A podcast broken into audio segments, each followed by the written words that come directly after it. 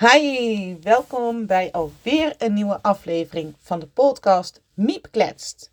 Mijn naam is Miranda van Dongen en in de podcast Miep Kletst lees ik de blogs voor die ik de laatste jaren heb geschreven onder Miep Blogt.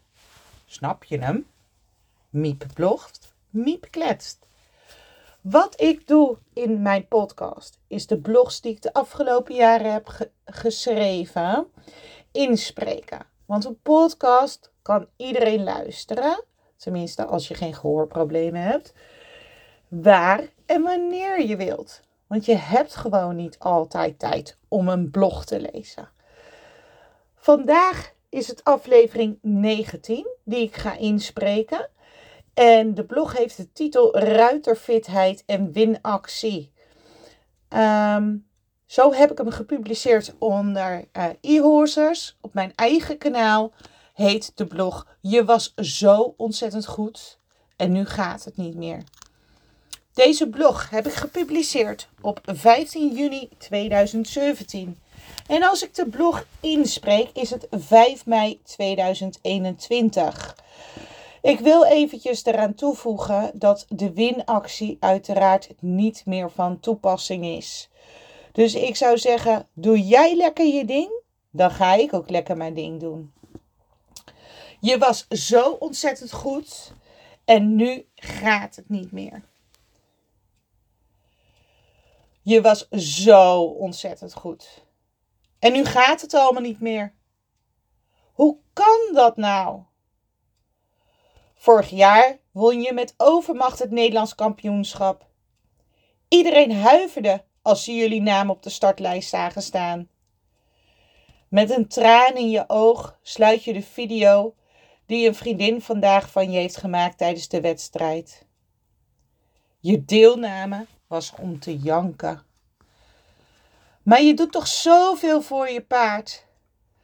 Waarom doet je paard het dan niet meer voor jou? Terug in de tijd. Je zit aan tafel bij je pensioenhouder. Je hebt daar om hulp gevraagd, want je bent ten einde raad. Je pensioenhouder vraagt aan je of je in gedachten terug kunt gaan, naar anderhalf jaar terug. Wat was er toen anders dan dat je nu doet? In je gedachten dwaal je af terug naar die tijd. Je was toen zo ontzettend goed. En er komt een glimlach op je gezicht. Wat deed je anders? Na tien minuten stilte en alleen in je gedachten hoor je je pensioenhouder aan je vragen: Wat deed je anders? Je kijkt op en de tranen staan in je ogen. Het antwoord? Dat weet je al. De tranen lopen over je wangen. Je realiseert je dat jij de zwakke schakel bent geworden van jullie team. En een team is zo sterk als de kracht van de zwakste. Jij hebt je paard tekort gedaan. Alles is veranderd. Alles is veranderd. Je relatie is beëindigd, waarvan je nog veel verdriet hebt.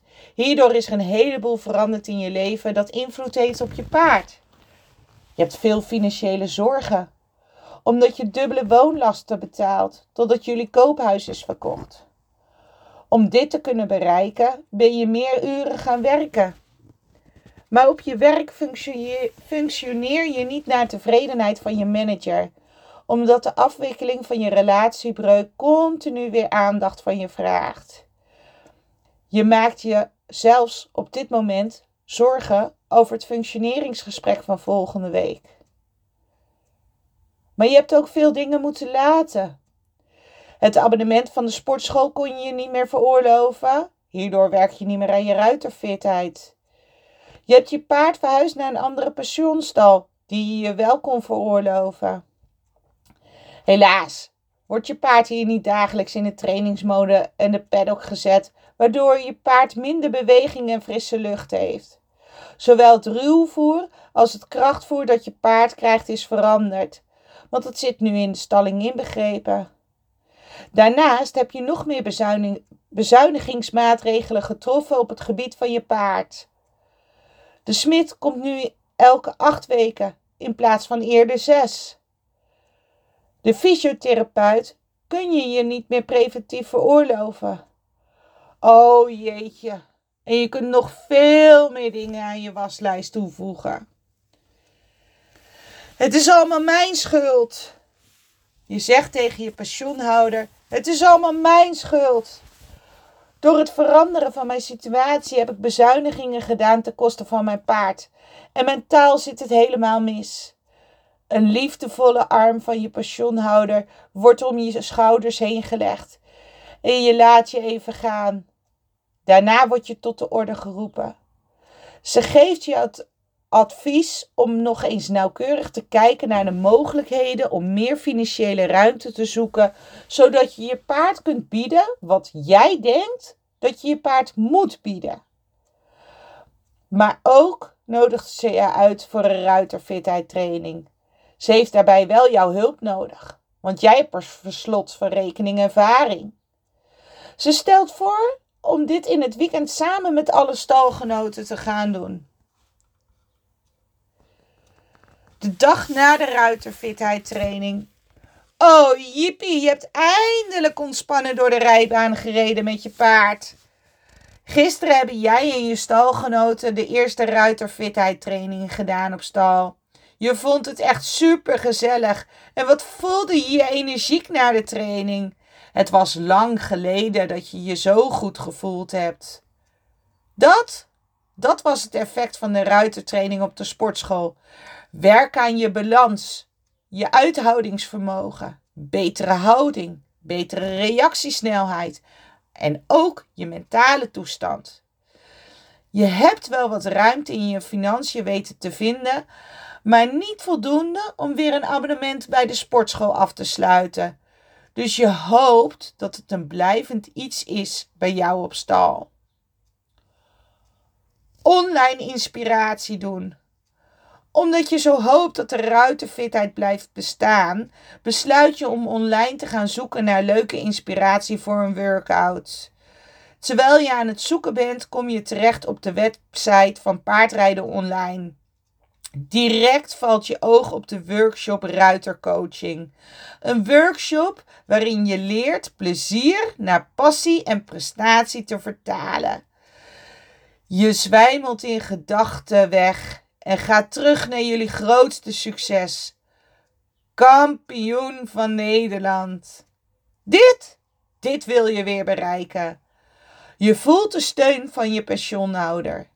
Maar de onderwerpen die behandeld worden tijdens deze workshop, ruiterfitheid, ontspanningsoefeningen, concentratie, focus en genieten.